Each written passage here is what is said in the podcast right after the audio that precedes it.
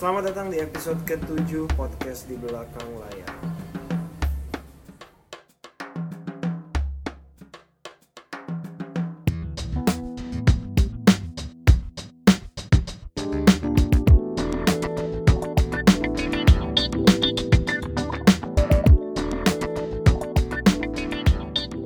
Episode ke-7 nih Mas Ulung.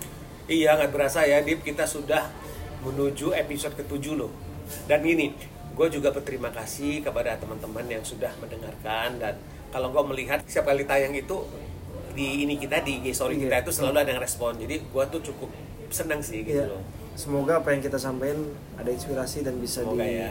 yang positif diambil, yang negatif jangan diikuti. betul betul yang penting niat kita itu kita pengen berbagi pengalaman kami kok Betul. Seperti Siapa itu. tahu gara-gara 7 episode ini ada manajer artis baru loh, Mas. itu yang jadi harapan gue yang jadi harapan Dipa sih Amin. seperti itu Kita akan bahas mengenai gua kasih judul one man show, Mas.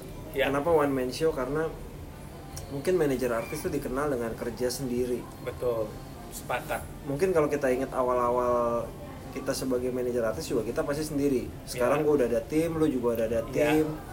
Yang perlu mungkin teman-teman pahami adalah kapan waktunya kita bisa punya partner atau bisa punya tim. Karena nggak bisa selamanya lu bergantung dengan diri lu sendiri. Kalau lu sakit gimana? Apakah talent lu tetap bisa bekerja? Dan gue sih senang ya maksudnya awalnya kerja sendiri itu senang juga. Karena memang kerja sendiri awalnya adalah untuk mendapatkan dan mengetahui seluk beluk pekerjaan ini. Sampai akhirnya udah rasanya gue perlu tim gue nggak bisa sendiri. Dengan adanya tim bisa membantu gue kerjaan bisa maksimal talent gue juga lebih happy. Gitu. Nah, Jadi- kalau menurut gue ya, Iya. Ini gue nanya ya, nanti Boleh. kita bisa Boleh, saling boleh. itu. Kalau menurut gue, lu sejak kapan lu merasa membutuhkan tim? Jadi gini, lu ngerasa kayaknya lu udah kewalahan nih mengerjakan segala sesuatu sendiri. Iya. Karena kan kalau gue lihat lu kan lu urusan keuangan, urusan finance lu kan jago banget Iya, ya. iya. Kemudian urusan medis ya nggak usah ngomong lah ya Hmm. seperti itu dan kemudian juga lu juga kan pasti juga yang terjun untuk negosiasi. Iya. Dan kalau misalkan ada event, lu pasti juga datang ke lokasi gitu kan. Nah, lu di titik mana lu ngerasa kayaknya gua nggak bisa sendiri nih, gua butuh nih gitu loh. Kalau gue yang gue cukup inget adalah kebetulan pas gue jadi manajer artis gue udah berkeluarga kan mas. Gue udah ada istri, udah ada anak Pastinya adalah fokus gue nggak bisa 100% Maksud gue akan berbagi, gue nggak bisa menomor sekiankan keluarga juga. Sementara pekerjaan gue awal-awal sebagai manajer artis Paling banyak adalah off air Yang membutuhkan datang ke sebuah lokasi ada di Jakarta di luar Jakarta.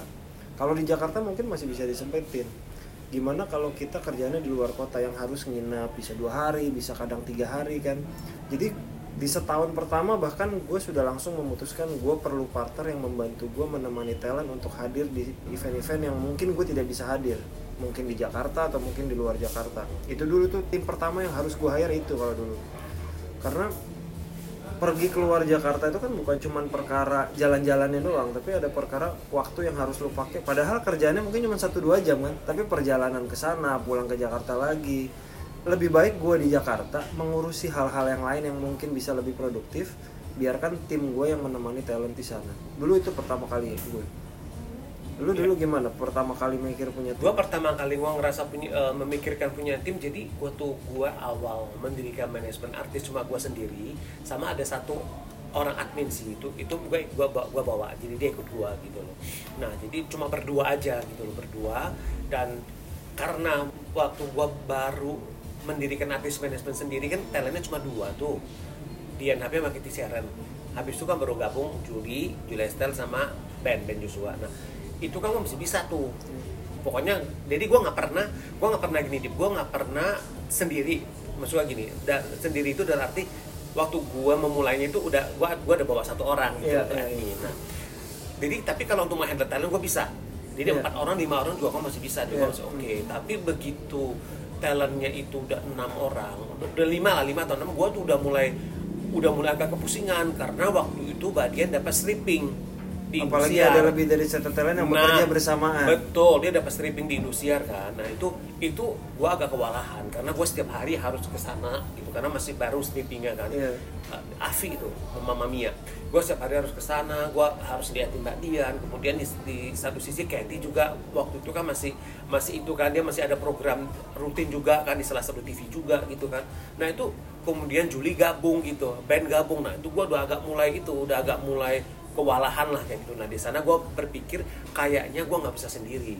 Gue tuh harus punya tim yang bantu gue gitu loh untuk menghandle teknis gitu loh maksudnya. Iya, karena setuju. terus ya gue setuju karena kita udah gak mungkin kita tuh mikirin sampai hal yang detail teknis nanti di lapangan seperti apa ya kan Hmm. harusnya seperti apa. Kalau gue terutama urusan jadwal oke karena itu jadwal itu kalau menurut gua kelihatannya itu kecil ya kelihatan itu, Itu sederhana krusial, itu amat sangat sangat krusial. Setuju. nah kenapa gua akhirnya memutuskan gua perlu cari tim karena gua sendiri pernah agak miss sama jadwal nah gua pikir ini gak boleh seringnya itu bahaya fatal Iya. seperti itu fatal buat buat buat gua sendiri untuk talent gua dan untuk klien kan seperti itu. Iya. kalau kita salah ngasih tanggal nggak salah ngasih jam itu kan bahaya kan Iya. seperti itu. Nah jadi gua mau mengantisipasi hal seperti itu. Akhirnya gua memutuskan gua perlu tim. Itu sih di, kalau gua ya.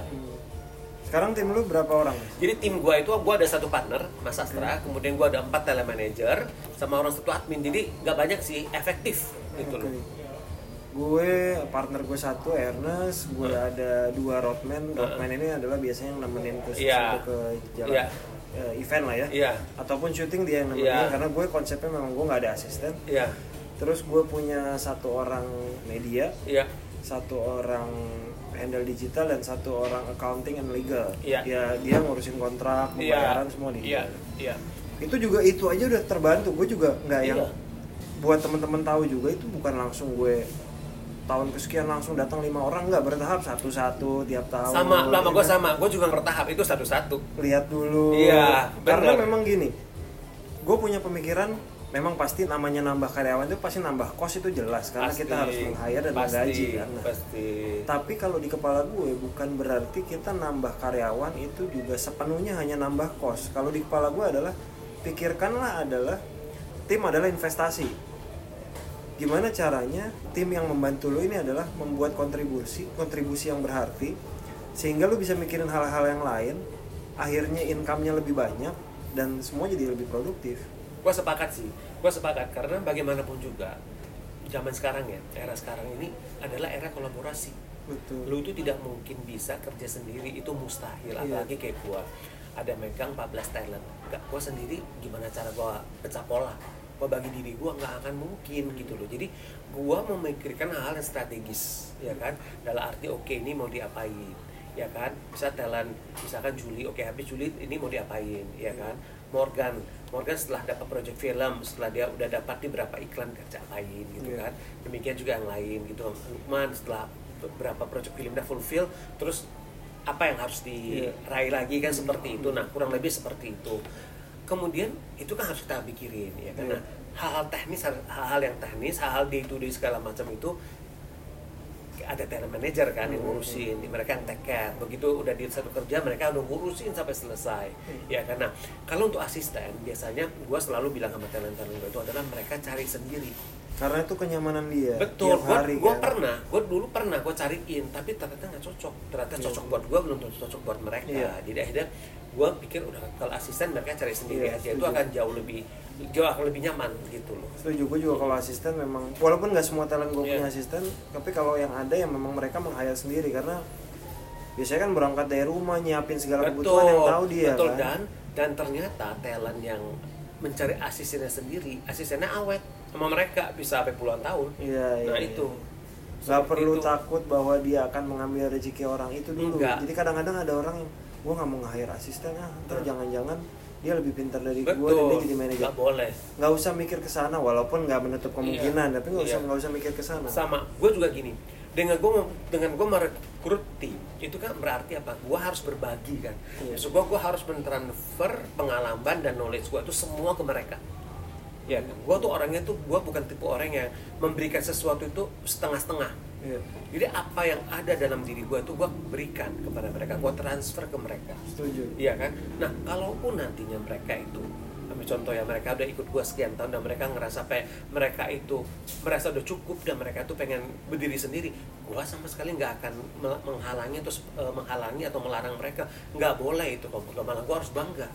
Ya kan gua harus bangga. Kenapa? Karena pada akhirnya adalah mereka itu berani gitu loh maksudnya mereka tuh berani dan mereka itu oke ya kan oke gua gua kayaknya udah cukup gua mau sendiri gak ada masalah kamu gua itu itu sama sekali bukan hal yang menjadi ini gua ya bukan menjadi beban buat gua seperti itu sih Di. lu mas ya kalau di gue sih udah ada selain talent yang alumni ya Iya. alumni tuh min sudah lulus dari Avatara Iya. ya di- Iya. dan lulus dari Harvard Iya. di gue juga sudah ada tim yang lulus Iya. gue nggak bilang dia selesai kerja sama ya udah Iya. gue menganggap dia lulus Iya, bekerja dari Harvard Iya. sekarang sudah mendirikan salah satu manajemen Iya. artis sendiri juga ada Iya, gitu. iya. jadi gue malah bangga, Bangga, gitu kan? bangga Iya. ternyata dia bisa gitu Betul. jadi nggak perlu kalaupun kita punya tim dan akhirnya dia keluar Iya. jangan nggak harus selalu boleh menghalangi dan lah jangan dianggap itu musuh atau saingan kita enggak kalau gua sampai sekarang sih di, mereka itu masih sama-sama sama gua jadi eh talent manager gua itu sudah 10 tahun gitu loh udah 10 tahun udah ya Niken Niken 10 tahun ya kan Hmm. Mbak Arina 10 tahun Cindy 6 tahun gitu loh. Nah seperti itu. Kalau Mas Sastra dia itu bantu gua dari tahun 2009 sampai sekarang. Oke. Kayak gitu. Pasti teman-teman ada yang nanya sih gimana menghindari membengkaknya sebuah pengeluaran gaji atau kos buat tim? Kayaknya lo sama gue sih kurang lebih sama ya. Kalau kalau gue ya ini kita kasih bocoran sedikit. Gimana caranya kita memberikan sedikit insentif buat tim kita ibaratnya kita berikan persenan sama Mm-mm. dia supaya kos kita juga nggak terlalu besar Betul. betul kan jadi dengan dia dapat persenan dari penghasilannya talent yang dia pegang Iya. misalnya kan dia itu membuat dia juga semangat bekerjanya dan itu menjadikan ini Dip. jadi itu menjadikan mereka memiliki sense of, Of belonging, belonging, betul. seperti itu karena kayak di gua aja di Avatar kayak gua kenapa gua merasa ya tidak manajer itu bisa bekerja sama mereka itu tetap bertahan itu karena gua ngerasa apa yang gua ngomong sama mereka itu dari awal sampai sekarang itu gua nggak pernah berubah kemudian itu adalah gua selalu menerapkan fairness. Apa yang sudah gue janji ke mereka itu ya kan gue penuhi gitu loh. Seperti itulah gitu. Jadi apa apa yang gue ngomongin ya kan misalkan oke kita kerjasamanya itu adalah ber- berdasarkan apa? Lu mendapatkan persenan ya kan Iya, dapat iya. sekian persen gitu loh dari dari semua job daripada talent lu pegang. Hmm. gue full gue nggak pernah gue nggak pernah kurangin atau gue bilang oh ini karena pandemi apa gue Iya. kurangin ya gitu. Maksud gue lu udah dapet, yang gue udah janjikan sekian persen gitu gue kurangin ya karena situasi pandemi gue enggak. Terus misalkan mereka tiap bulan memang kayak ada dapat tunjangan gitu kan untuk apa untuk tunjangan ini untuk handphone apa segala macam gue nggak gue nggak kurangin gitu loh.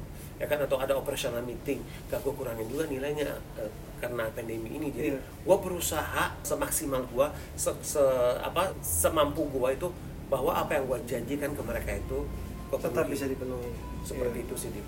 ya intinya sih kalau ini kalau kita balik ke awal tadi ya buat teman-teman yang misalnya masih handle talentnya satu dan merasa masih sanggup sendiri menurut gua nggak apa-apa Nggak masalah itu sendiri. pilihan masing-masing pilihan Oh, iya oh. intinya ingat ketika lu merasa sudah mentok dan udah push to the limit dan akhirnya ketemu rasa di mana lu butuh bantuan ya lu udah harus butuh bantuan Betul. jangan sampai lu paksakan sendiri karena kadang-kadang memaksakan sendiri hanya karena gue nggak mau nambah pengeluaran nih. Gue maunya udahlah gue sendiri aja sanggup. Tapi jangan-jangan gara-gara lu nggak mau ngelu- nambah pengeluaran akhirnya lu malah kehilangan job malah bahaya menurut gue. dan satu hal juga adalah kalau menurut gue yang paling penting adalah prinsipnya itu adalah kita harus menjaga kenyamanan talent kita. Oke. ya kan? Maksudnya gini kita merekrut tim merekrut orang itu adalah apa? Konteksnya adalah bagaimana kita tetap bisa memberikan kenyamanan kepada talent kita ya kan jadi hal-hal teknis apa segala macam talent udah tahu oh gua akan jadi talent manager ya kan tapi ada hal-hal kali misalnya gini talent-talent di Avatar ala kalau udah tahu mana mereka ngomong ke talent manager mana mereka ngomong ke gua Iya, iya. Nah, gitu. Iya.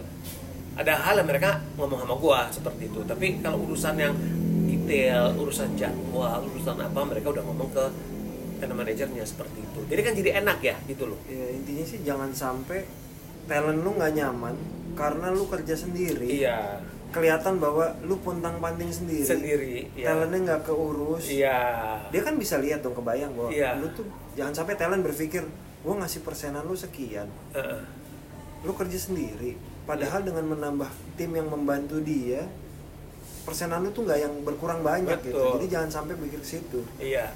Iya kenyamanan bener. tuh penting dan mereka bisa bekerja dengan tenang, juga tenang kan? tenang gitu loh. Dan kita juga bekerja dengan tenang juga. Karena gini loh karena udah ada udah ada tim membantu kita gitu loh.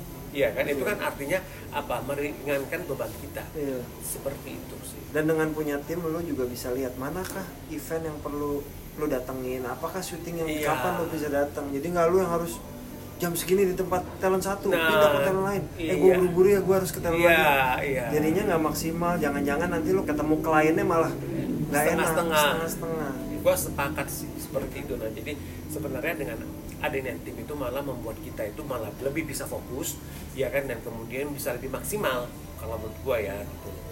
Jadi terakhir gue ingetin tambahan tim itu bukan cuma masalah pengeluaran iya. Tambah tim itu mungkin adalah kalau buat gua ya kalau buat gua adalah itu investasi. Karena bisa menghasilkan eh, sesuatu yang lebih manfaat ya di masa akan datang dan lu jadi bisa berpikir hal-hal lain Betul. yang lebih strategis. Iya iya. Dan manfaatnya nggak cuma semata-mata buat kita tapi juga buat talent juga. Buat tim membantu kita mereka juga bisa mendapatkan juga benefit kan seperti itu. Jadi kalau menurut gua pada akhirnya everybody happy.